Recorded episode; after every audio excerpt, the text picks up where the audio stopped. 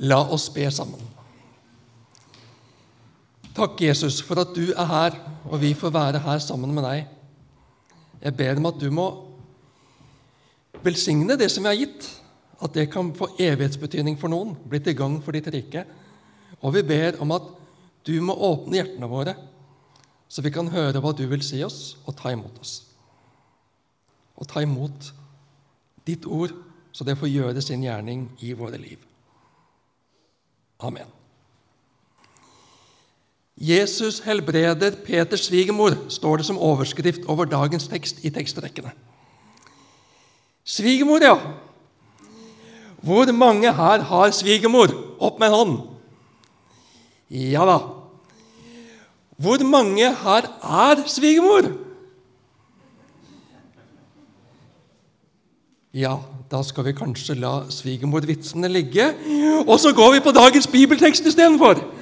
Det tror jeg er en god idé. Matteus 14, vers 14-17. Vi står. Jesus kom hjem til Peter og så at svigermoren hans lå til sengs med feber.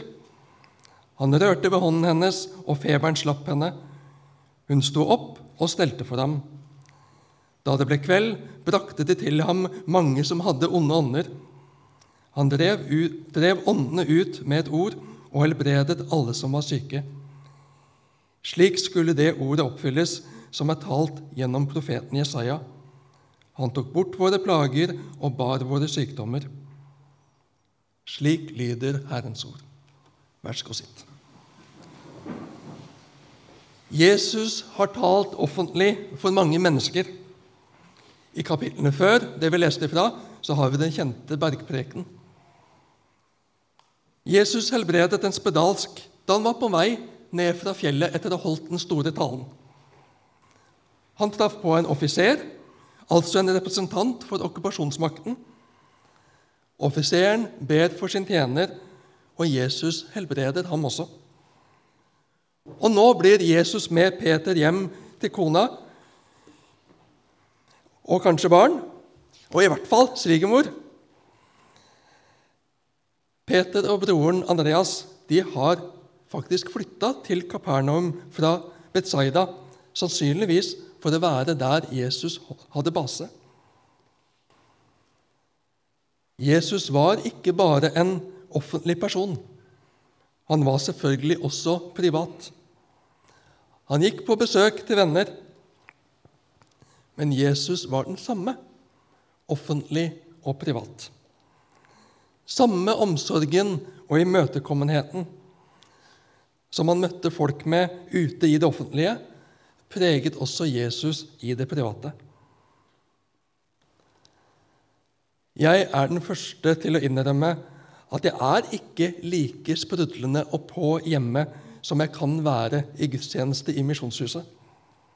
Jeg trenger å slappe av. Jeg trenger å roe ned. Jeg trenger tid for meg sjøl. Jeg er i grunnen en introvert person. De hjemme ser litt flere sider av meg enn det andre gjør. Men det er viktig at vi er mennesker med integritet. At vi ikke er én versjon ute og en annen versjon hjemme. Det må henge sammen. Det har jeg behov for å snakke med mine om iblant. Hvordan opplever dere meg? Er jeg en Frank i Misjonshuset og en annen hjemme? Det er greit at en har forskjellige roller. Det er forskjellige settinger. Men det må likevel henge i hop. Eller så blir det falskt. Eller så mister det troverdighet. Det blir bare skuespill. Den holdning og det vesen og det Jesus står for offentlig, det lever han også ut i hjemmet. Det ble viktig for meg i møte med dette avsnittet denne uka. Jesus gjorde ikke under offentlig for publisitet og popularitet, men av omsorg for enkeltmennesker. Og det hadde han med seg og også på besøk hos Peter.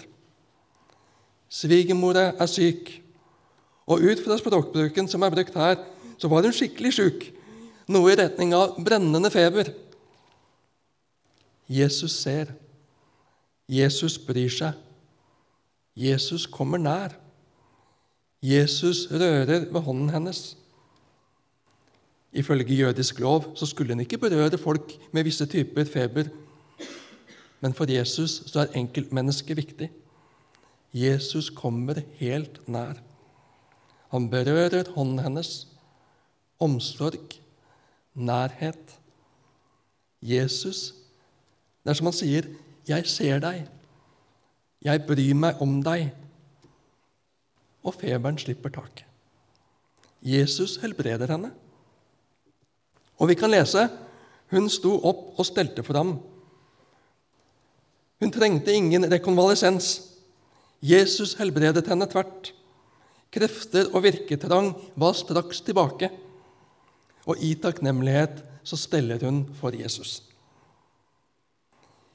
Hjemmet er arenaen hvor Jesus får komme inn og på en herlig måte prege rommet, prege familien.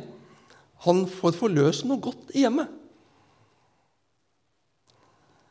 Jeg har lyst til å oppmuntre deg. Jeg har lyst til at vi sammen skal prøve å skape en motkultur i vårt sekulariserte Norge. En motkultur som tar Jesus mer inn i den dagligdagse samtalen. Når folk er syke, når folk sliter med et eller annet Vi snakker om helse, vi snakker om ulike utfordringer, men også tas tid til å be sammen. Lukke Jesus inn i det. Når barna har opplevd noe utfordrende eller gruer for noe, at den gode samtalen kan inneholde også at en ber om Jesu nærvær i det. Når vi har opplevd noe godt, en velsignelse, takke Jesus for det sammen. På besøk hos en venn, i samtalen om alt en står oppi, kan vi be sammen? Er det ålreit for deg at jeg ber for deg over dette som du nevnte? Jeg kan gjøre det her og nå mens du hører på, eller for meg selv når jeg kommer hjem. Ikke presse på, ikke gjøre det ukomfortabelt for en venn som ikke er kristen eller ikke er så vant til dette. Men be om Jesu inngripen. La Jesus være en selvfølgelig del av alt som fyller dagen. Han er jo min beste venn. Magnus Malm skriver i en av sine nyere bøker om at vi som kristne i sekulære Vesten lett kan leve våre liv som om Gud ikke finnes at vi har noen åndelige rom, men mye av livet lever vi som om Gud ikke finnes. Jeg kjenner at det engasjerer meg. Vi vil jo ikke ha det sånn. Samtidig så kommer samtalen for mange år siden opp i bevisstheten min. En samtale med en ung mor som ikke vokste opp i et kristent hjem. Men hun hadde en bestemor som var ei bedehuskvinne. Og i denne unge moras oppvekst så hadde hun stadig hørt fra bestemor Takk, Jesus, for ditt, og Jesus datt. For henne, uten Jesus-relasjonen selv, så ble det ord uten mening, og menneskers innsats ble nærmest, neg nærmest neglisjert. Det var bare Jesus. Samtidig som Jesus er Herre, Frelser og Gud, kan vi forholde oss til Jesus som en i familien, på en måte. En som er med i samtalen, som får et ord med i laget i våre vurderinger og prioriteringer. En som vi sammen deler våre smerter og gleder, vår takknemlighet og bekymring med, i åpenhet, uten å ta ansvar og ære fra mennesker. Det at jeg er avhengig av Jesus, er det en så privat greie at jeg ikke vil snakke om det? Eller er det noe som jeg betrakter som et svakhetstegn, så jeg vil skjule det? For jeg vil jo helst klare meg selv. Eller tenker jeg at jeg trenger egentlig bare Jesus til de store tingene, til å ta hånd om synda mi innenfor Gud, men ellers så fikser jeg livet greit selv, i samarbeid med velferdsstaten. disippellivet, Jesuslivet i hverdagen, Jesu plass i hjemmet. Hvordan ønsker vi at det skal se ut? Kan vi snakke sammen om det? Er det noe, er det noe dere snakker sammen om i bibelgruppene? På kickoffen i august så hadde vi fokus på 'søk først'. Søk først Guds rike og Hans rettferdighet, så skal dere få alt det andre i tillegg. Da handla det om å ha Jesus med i hverdagen, med masse eksempler på hvordan det kan se ut. Med bønn og tegne seg med korsets tegn når en står opp, og på den måten legge dagen i Jesu hender. Bibelvers på mobilen, så en får det så snart en opp tar opp telefonen. Bordvers, Bibelen på lydbok i bilen, bibelapp på bussen, andakt ved middagen og godnattsang og aftenbønn når en legger seg. Det må ikke bli en sjekkliste hvor en graderer sin flinkhet som kristen med hvor mange fromhetsøvelser vi kan tikke av på lista. Det blir jo helt feil. Da blir det noe ytre, og det blir gjerningskristendom. Men hvordan skape en tenkning og en kultur hvor Jesus har en helt naturlig plass i alt jeg er og gjør, til forskjell fra den sekulære kulturen som ikke forholder seg til noen Gud i hverdagen. I beste fall så blir det en privat interesse på siden av det virkelige livet.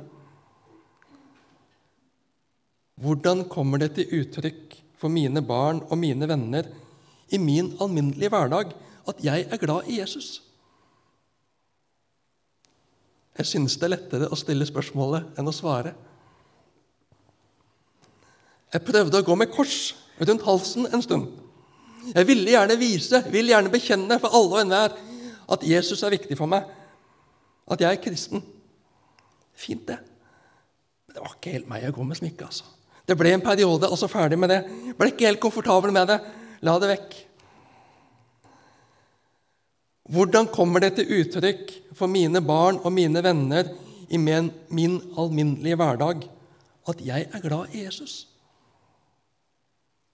I mitt liv, med min personlighet og min dagsrytme, så har den personlige morgenandakten blitt helt avgjørende, med bibel og bønn og stillhet innenfor Jesus. Og jeg kjemper for å prøve å huske å ta fram andaktsboka i forlengelsen av middagen. Og så er det fantastisk de gangene samtalen i familien penser inn på det som har med troslivet vårt å gjøre. Men det skjer ikke så ofte. Er det noen som har noen gode tips til samtalestarter om tro, sånn helt naturlig, liksom, så kom gjerne med det.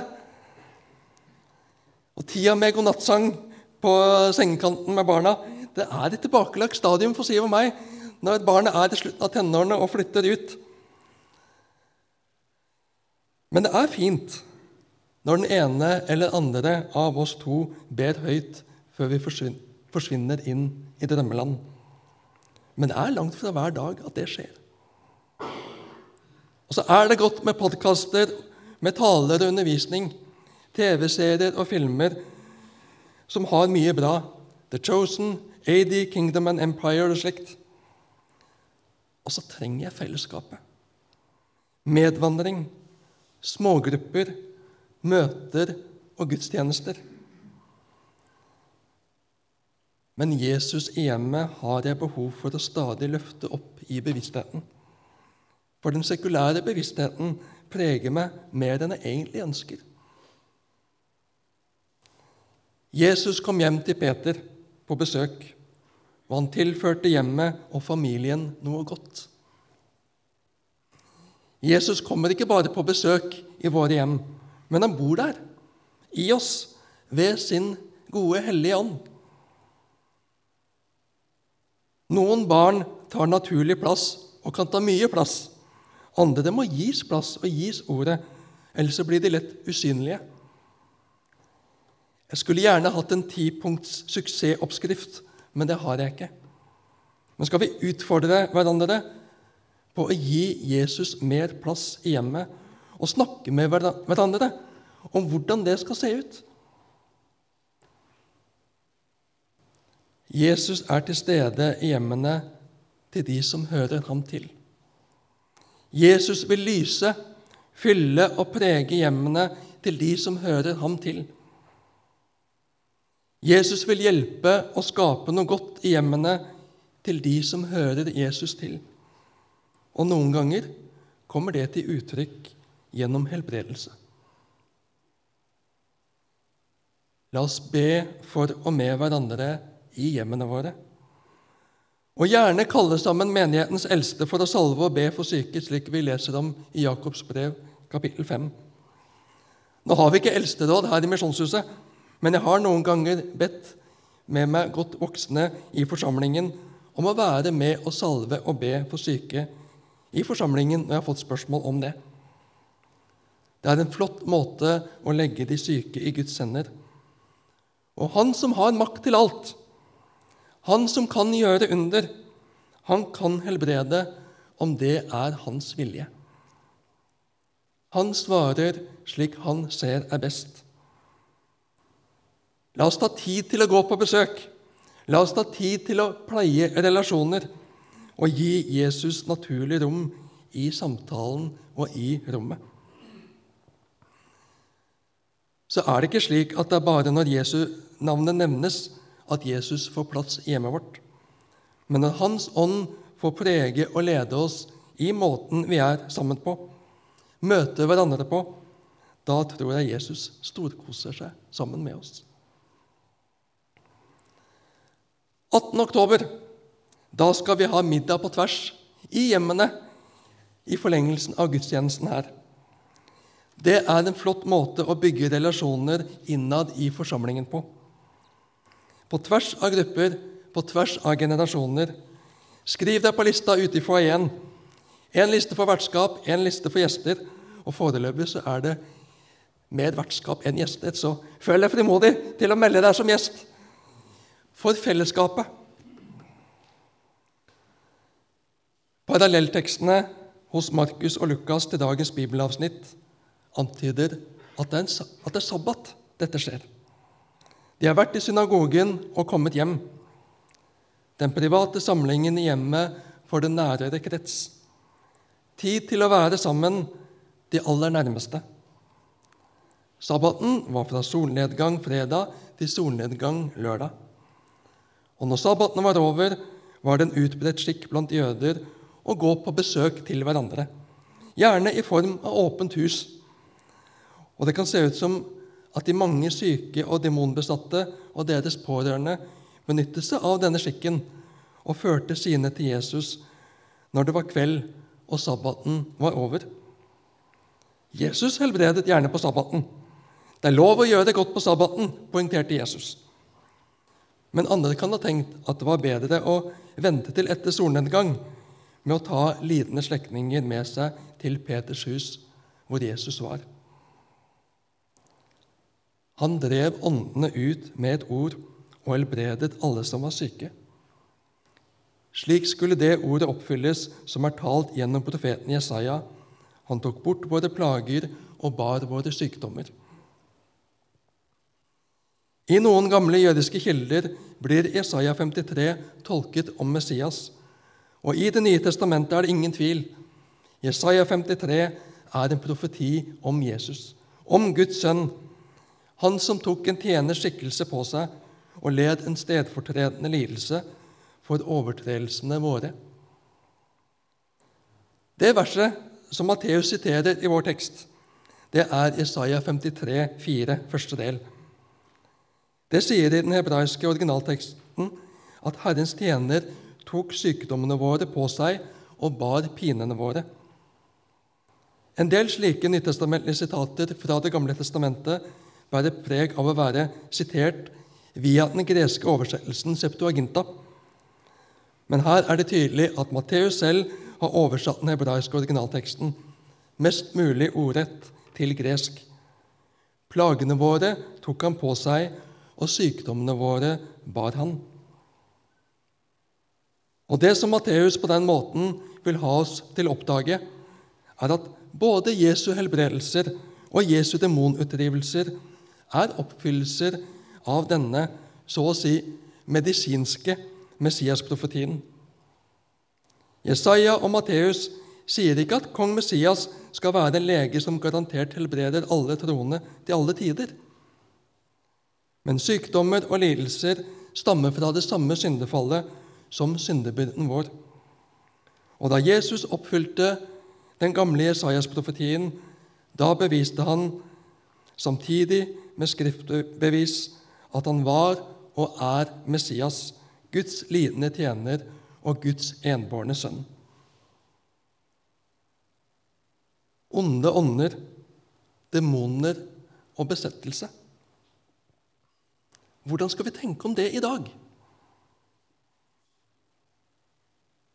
Vi forsaker djevelen og alle hans gjerninger og alt hans vesen. Vi tror at djevelen er en realitet, og at han har sin ånde her. For vår kamp er ikke mot kjøtt og blod, men mot makter og åndskrefter, mot verdens herskere i dette mørket, mot ondskapens ånde her i himmelrommet. Noen av oss har erfaringer med besettelse og utdrivelse av vonde ånder fra andre land. I en setting hvor mennesker gir den onde innflytelse i sitt liv gjennom seremonier og amuletter, gir den djevelen innpass, innpass, og han kan ta bolig i mennesker. Og Etter hvert som vi beveger oss inn i en etterkristen tid i landet vårt, så kan vi komme til å oppleve mer av det også i Norge. Selv om kristen tradisjon og at majoriteten av folket gjennom århundrer har blitt døpt, har gitt djevelen trangere kår i landet vårt. I Tanzania så var jeg med og ba for flere som hadde tegn på besettelse. Men i et av disse tilfellene skjønte vi gjennom medisinske undersøkelser ved et katolsk sykehus at vi hadde tolket symptomene feil. For noen år tilbake så var det mye skriverier om prester som drev demoner ut av mennesker her i Norge, og det ble kraftig problematisert.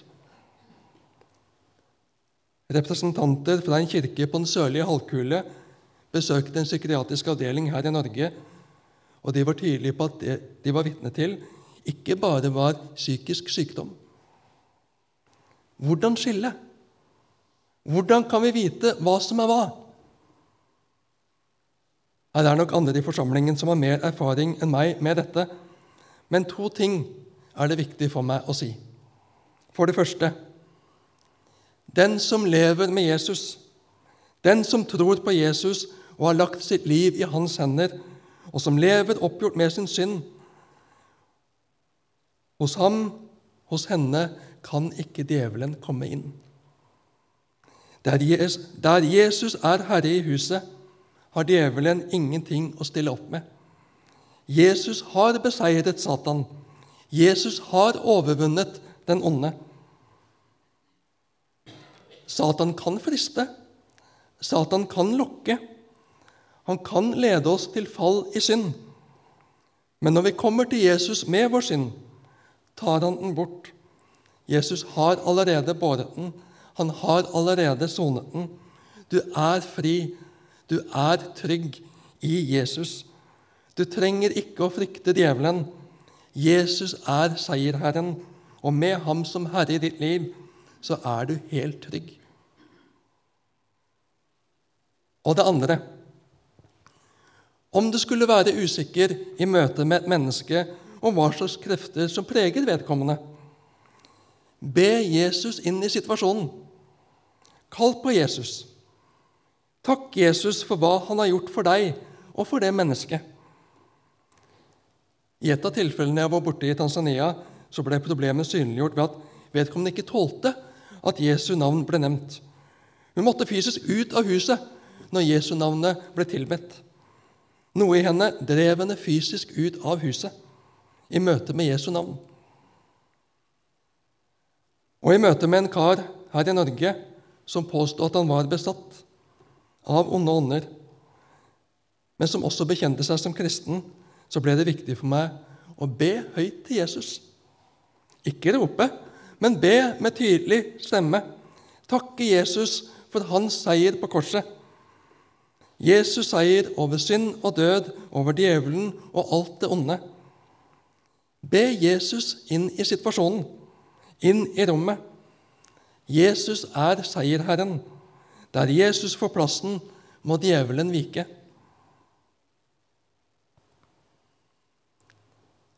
Han tok bort våre plager og bar våre sykdommer. Så kan du ha det sånn, eller kjenne noen som har det sånn. Ja, men jeg ble ikke frisk. Jeg ble ikke helbredet. Jesus har ikke tatt mine plager og sykdommer. Jeg lider under dem fortsatt. Vi lever i den spenningen her på jord. Spenningen mellom at Guds rike har kommet nær, men det er ennå ikke fullført. Spenningen mellom at Jesus har fullført frelsesverket. Vi har blitt frelst, men vi har ikke kommet fram og tatt imot den frelsen ved å være hjemme hos Far i herlighet. Jesus har ikke fjernet alle syndens konsekvenser her på jord. Lidelsen er et faktum her på jord. Djevelen driver rundt som en brølende løve for å dra med seg de han kan, bort fra Gud. Jesus gjorde en rekke under da han gikk her på jord, som tegn som skulle vise at han var den lovende Messias, lovede Messias, frelseren Gud hadde lovet. Han viste omsorg, kjærlighet og nærhet til mennesker han møtte. Han løftet dem opp, han satte fri. Noen ganger erfarer vi Jesu mirakuløse inngripen, inngripen også i dag. Men noen ganger ber vi og merker ingenting. Og noen ganger merker vi at han løfter opp og bærer oss, ikke ut av eller utenom lidelsene, men gjennom lidelsen. Om du er der nå, at du ber og ber, men merker ikke at Jesus er nær, jeg vil si til deg Jesus er nær. Jesus ser deg. Jesus elsker deg. Jesus vil være med deg gjennom dette. Jeg skjønner ikke hvorfor han vil la deg gå gjennom dette, men du skal vite at han er der sammen med deg i det. Han føler med deg. Han lider med deg. Han har ikke forlatt deg. Han har ikke oversett deg. Han er der hos deg også når du ikke merker det. Og en dag, enten her på jord, i denne tidsregning, eller ved slutten av denne tidsregning, når Jesus kommer igjen, så skal han sette deg helt fri. Jesu perspektiv er større enn vårt perspektiv. For ham er én dag som tusen år og tusen år som én dag. Det er utover vår fatteevne. Men det Jesus er tydelig på, er at han er med dere alle dager inntil verdens ende. La oss vente på ham. La oss hvile i ham. Og når vi ikke klarer å hvile, så skal vi få skrike og klage, kjefte og smelle. Jesus tåler det, og han ønsker at vi kommer til ham med alt. Og alle de andre dagene, når livet er på jevna, skal vi få leve livet vårt i hans nærhet. La hjemmet vårt være hans hjem, et hjem han får prege og fylle, lede og velsigne. Amen.